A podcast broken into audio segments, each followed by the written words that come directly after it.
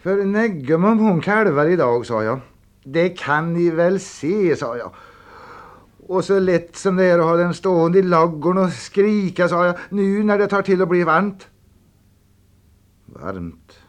Här drar kallt istället. Och de nya ylletröjorna är ju bara skräp, har han känt hela dagen. Kände han när han köpte dem att det var tunn och dålig kvalitet.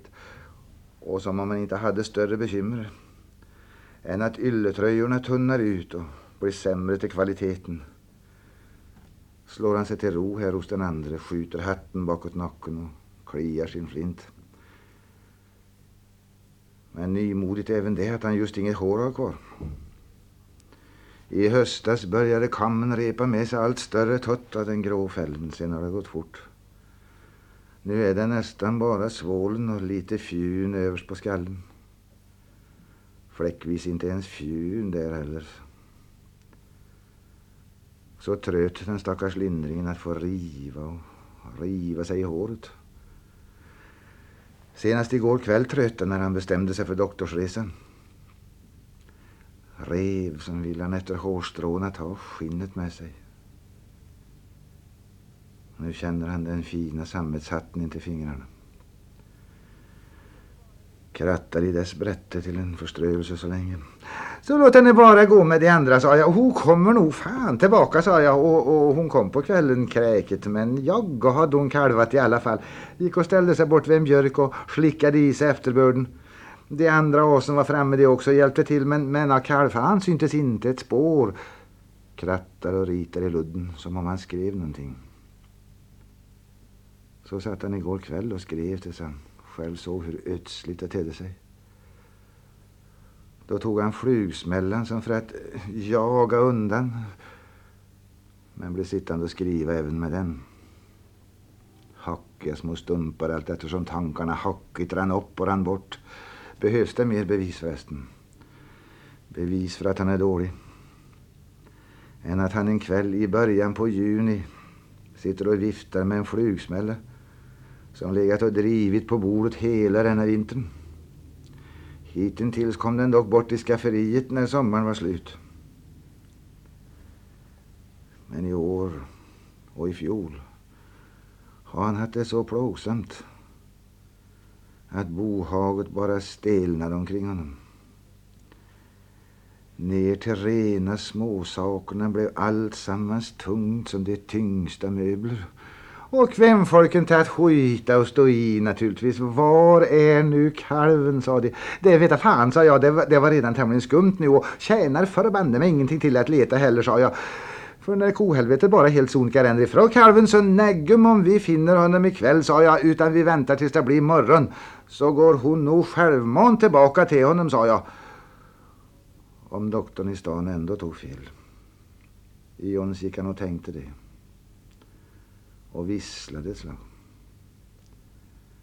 Han brukar inte vissla där han drar fram. I vart fall var det länge sedan. De försökte ta hem med en bit. Det blev inte så långt så skumpade hon tillbaks. Det var kväll för henne som för de andra. Hon ville in i lagorn. Men hellre det att han kanske sett tokig ut. Hellre det än att de skulle förstått domen sedan han stannat mitt på vägen och sagt till sig själv att hur som helst så dör du ju inte idag. Han ska pinas först.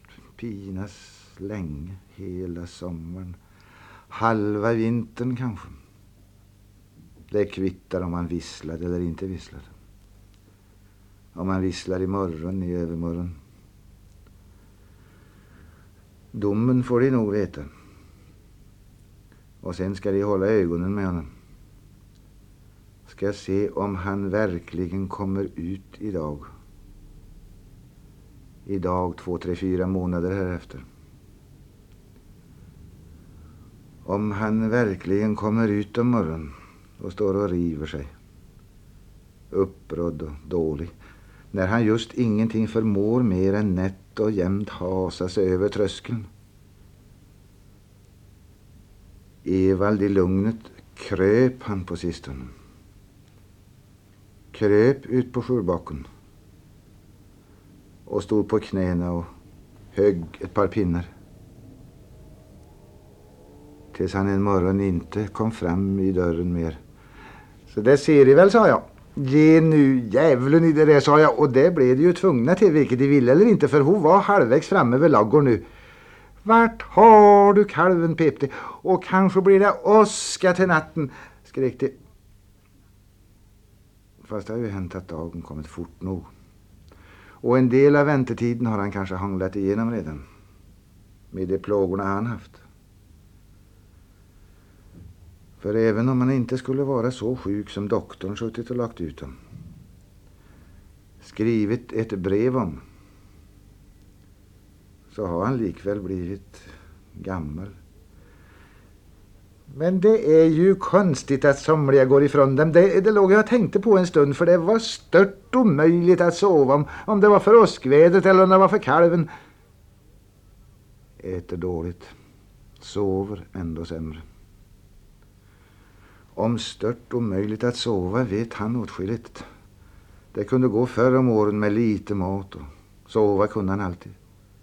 Så extra bra efter mer än vanligt jävliga dagar. Nu är det annorlunda. Han blir visserligen städse sömnig kring den gamla barnatimmen. Och det händer ofta att han lullar av på stolen där han sitter. Men när han sen kommer i säng är allt som förgjort. Då ligger han där bara och stirrar. Köpa mat kan han göra fast han inte arbetar var dag. Kronorna samlar sig på hög utan att han riktigt förstår hur det går till. Särskilt tvåkroningar har han gått om och ändå lämnar han ut en hel hop av dem när han köpte sig dessa nya doktorskläderna. Det är detsamma vad han frestar sig med. Han har provat de underligaste burkar i butiken. Det är likväl ingenting som smakar. Sånt blott spyr han upp igen. Till ingen världens nytta. Står ibland flera gånger om dagen och ger ifrån sig maten. Så knappt det grålyste gick jag ut och löste den och så knallade vi iväg åt backarna. Jag, jag hade en liten, liten skvätt i en flaska. Brännvinet fick han behålla för att bli full. Slut också med den glädjen. Han provade till jul. Han provade till födelsedagen. Bägge gångerna var det rätt och slätt ynkligt. Idag gick han inte in på bolaget.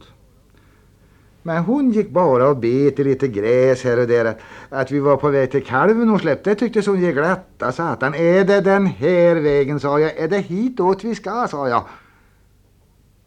Osmaken på brännvin har han förresten bekänt för folk. Har snackat nära på som ett slags nykterhetspredikant. Svälja sån dynga, har han sagt. Så stryk vi upp för den där jävla branten, du vet. Och, och när det sen blev som värst risigt så la hon bara iväg etter värre. Så här är, häråt är det nog, tänkte jag, och rände med. Han går och sväljer någonting annat i ensamheten. Det har han inte talat om däremot. Sväljer tårar. Han gråter tämligen ofta. Var fan har du kalven nu då, sa jag. Blir alla gamlingar som han. Går och gråter och sväljer. Fast om de inte är sjuka, om de inga symptomer har. När Johan i Lerdal fick kräfta hade han stått i butiken en dag och sagt att symptomerna är precis som när syster min strök med och hade haft gråt i rösten som, som om han nyss gråtit eller skulle gråta så fort han kom sig ut och blev ensam igen. Hon stannade och strök sig mot en tallbuske. Är han här? sa jag. Då satte hon käften i backen och, och började beta igen. Vad ska han säga i butiken idag? Eller en dag längre fram. Om han orkar gå dit. För hur pass dålig ska han vara vid det laget? Så lät jag henne gå en stund. Jag, jag hade varit uppe lite för tidigt. Jag, jag var trött och sömnig. Jag kröp ihop under en gran. Hon hade ju bjällra. Vad spelar det för roll, ska han säga. En gubbstrutt mer eller mindre. Denna Aina i butiken, rosig om käkarna och en övermakt i barmen. Det händer att en tänker de utslitna nävarna upp i blusbringandens. I vintras när det var som kallast. Men det blev nog djävulen kvar på diskkanten. Nöpte i någonting så var det på sin högsta höjd i limpan hon la fram. Tobaksrullen som han ännu köpte av gammal vana fast den smakade lort. Och i mesosten och i grynpåsen och i ett halvt kilo bondsmör. Bröstgrannlåten hennes lämnade en gunuss i fred. Lagt den där borta igenom, sa jag. Ensam. Där bor visserligen en bror uppåt Norrland och en i Amerika om han lever. Sista brevet blev tre år gammalt till påsk. Resa till Norrland, resa till Amerika. Kommer på ett ut hädanefter. Det blir där det är och han blir där han är. Det är inte nog jävligt annars tänkte jag och masade efter. Försöka skriva till dem. Istället för att bara sitta och vifta med flugsmällen. Att de är hjärtligt välkomna på begravning. Och där fann jag henne till slut. Men ingen kalv. Så går vi hem, sa jag. Nöt, sa jag. Förbannade kokräk. Att man ingenting vet framför sig. Han ville veta om det bara var en gnutta tid kvar. Det kan ingen säga, svarade doktorn. I höst en gång. Till vintern en gång. Eller nästa vår. Helt till flugsmälletiden igen. Sa jag, nu går vi hem och hämtar folk, sa jag. Och det var som hon tyckte att hon var för tidigt ute hon också. Och nu skulle hon hem och sova. För rätt vad det var så skvatt hon iväg. Jag så vitt såg rumpan och en brun och vit fläck och hörde lite pingel. Men sen varken hörde eller såg jag så mycket som röken av henne mer. Hörde bara jök, fan som gol. Det kan ta år. Berta i kyrkbråten låg i två år. Väl två år. Få folk att gå skallgång i hällregn efter en nyfödd kalv, det, det var bara på skämt jag sa det till henne. I ungdomen en sommarnatt. Hon hade fästman redan, men så blev den jålboken stupande full. Hon hev och drog på honom en stund.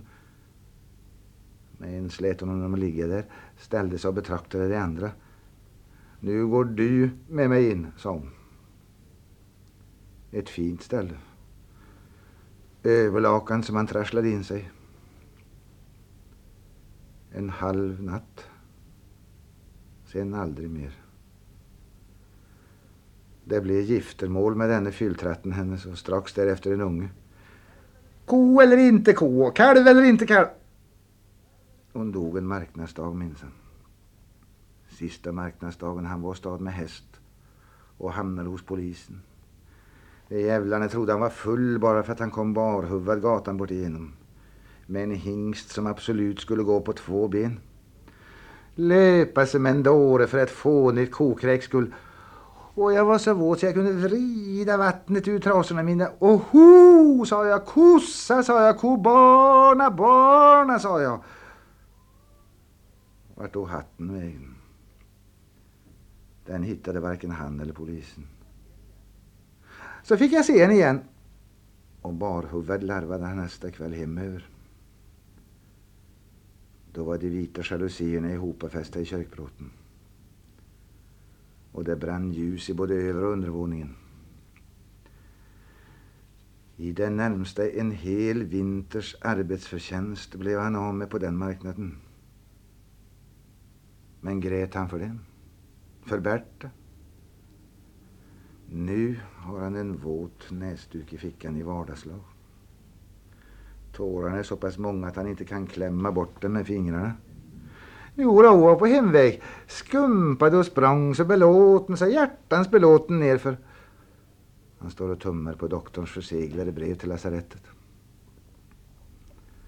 Han har haft ett sånt i nyporna en gång förr. När det gällde Holger och sanatoriet. Men pojken kom aldrig så långt.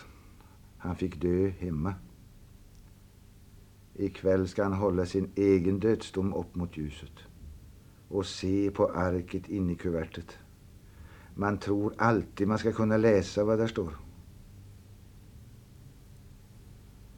Inte komma på en enda tanke som inte ska haka sig fast i en avskedstanke. Hädanefter ska alla hans funderingar halka ut och glida med i beständigt samma ström. Vänta lite, sa jag. Hör du inte, sa jag och begynte gno på mitt håll igen. For och svor så du kan aldrig tro. Det var väl själva satan, ropade jag in i skogen, om jag inte ska få denna koattan jävlar att ta reda på kalven sin. Det kommer att bli långa nätter. Långa, molande, tysta nätter. Extra långa nätter, som Berta sagt, låg hon och tänkte på hur nätterna en gång var. För det tror de väl unga kvinnfolk. Att det ska bli en lustig resa, det trodde väl Emma. Och så låg han och hon i och flåsade runt en pingsthelg en gång. Det blev Holger. Andra ungen var, ja, ändå brådare av sig. Log och vände om, som skogvaktaren skrev i annonsen. Men så var det som hon äntligen förstod vad det var vi sprang efter. Hon såg eh, mycket mer vettig ut nu. Det bar in i ett moras. Men nej. Där kom hon fram igen och gav sig till att lunka så sakteliga. Sista gången Emma kom från sanatoriet skulle hon bara vara stilla blev det sagt. Helst ingenting göra. Men tvättbaljan hade ju inga egna ben att gå på. Emma var inte 50 år den aftonen hon låg framstupa över brunnslocket. Hon trodde hon skulle leva. Hon hade köpt sig löständer som kom på posten och som han blev tvungen att lösa ut när han var och tingade i kista. Vintervägen, du vet. Ungarna blev av samma slaget. Ingen av dem är kvar. Fast envisa på sitt sätt. Som mor sin. Ät, hade han sagt till Holger en kväll. Ät den maten som står på bordet, den duger. Han åt inte. En annan hade väl tagit och dängt honom. Men far hans tordes aldrig det. Var för stark. Hev honom bara utanför dörren. Stå där tills du blir hungrig. Han hade inte mer än skjortan på sig. Och ute var det tio grader kallt. Likväl blev han stående. Han var blå när han för Emmas skull fick komma in igen. Sen hon gnällt i en timme ungefär.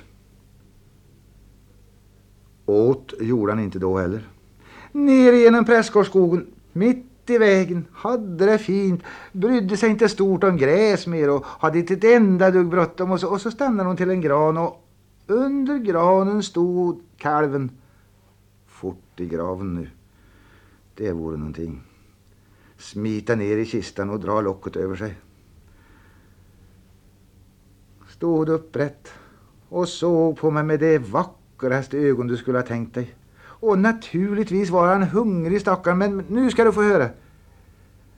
Tror du aset släppte honom till? Där kom lillen och satte nosen in mot djuret, men i detsamma fick han sig en spark så, så han for, jaggu for han en två, tre meter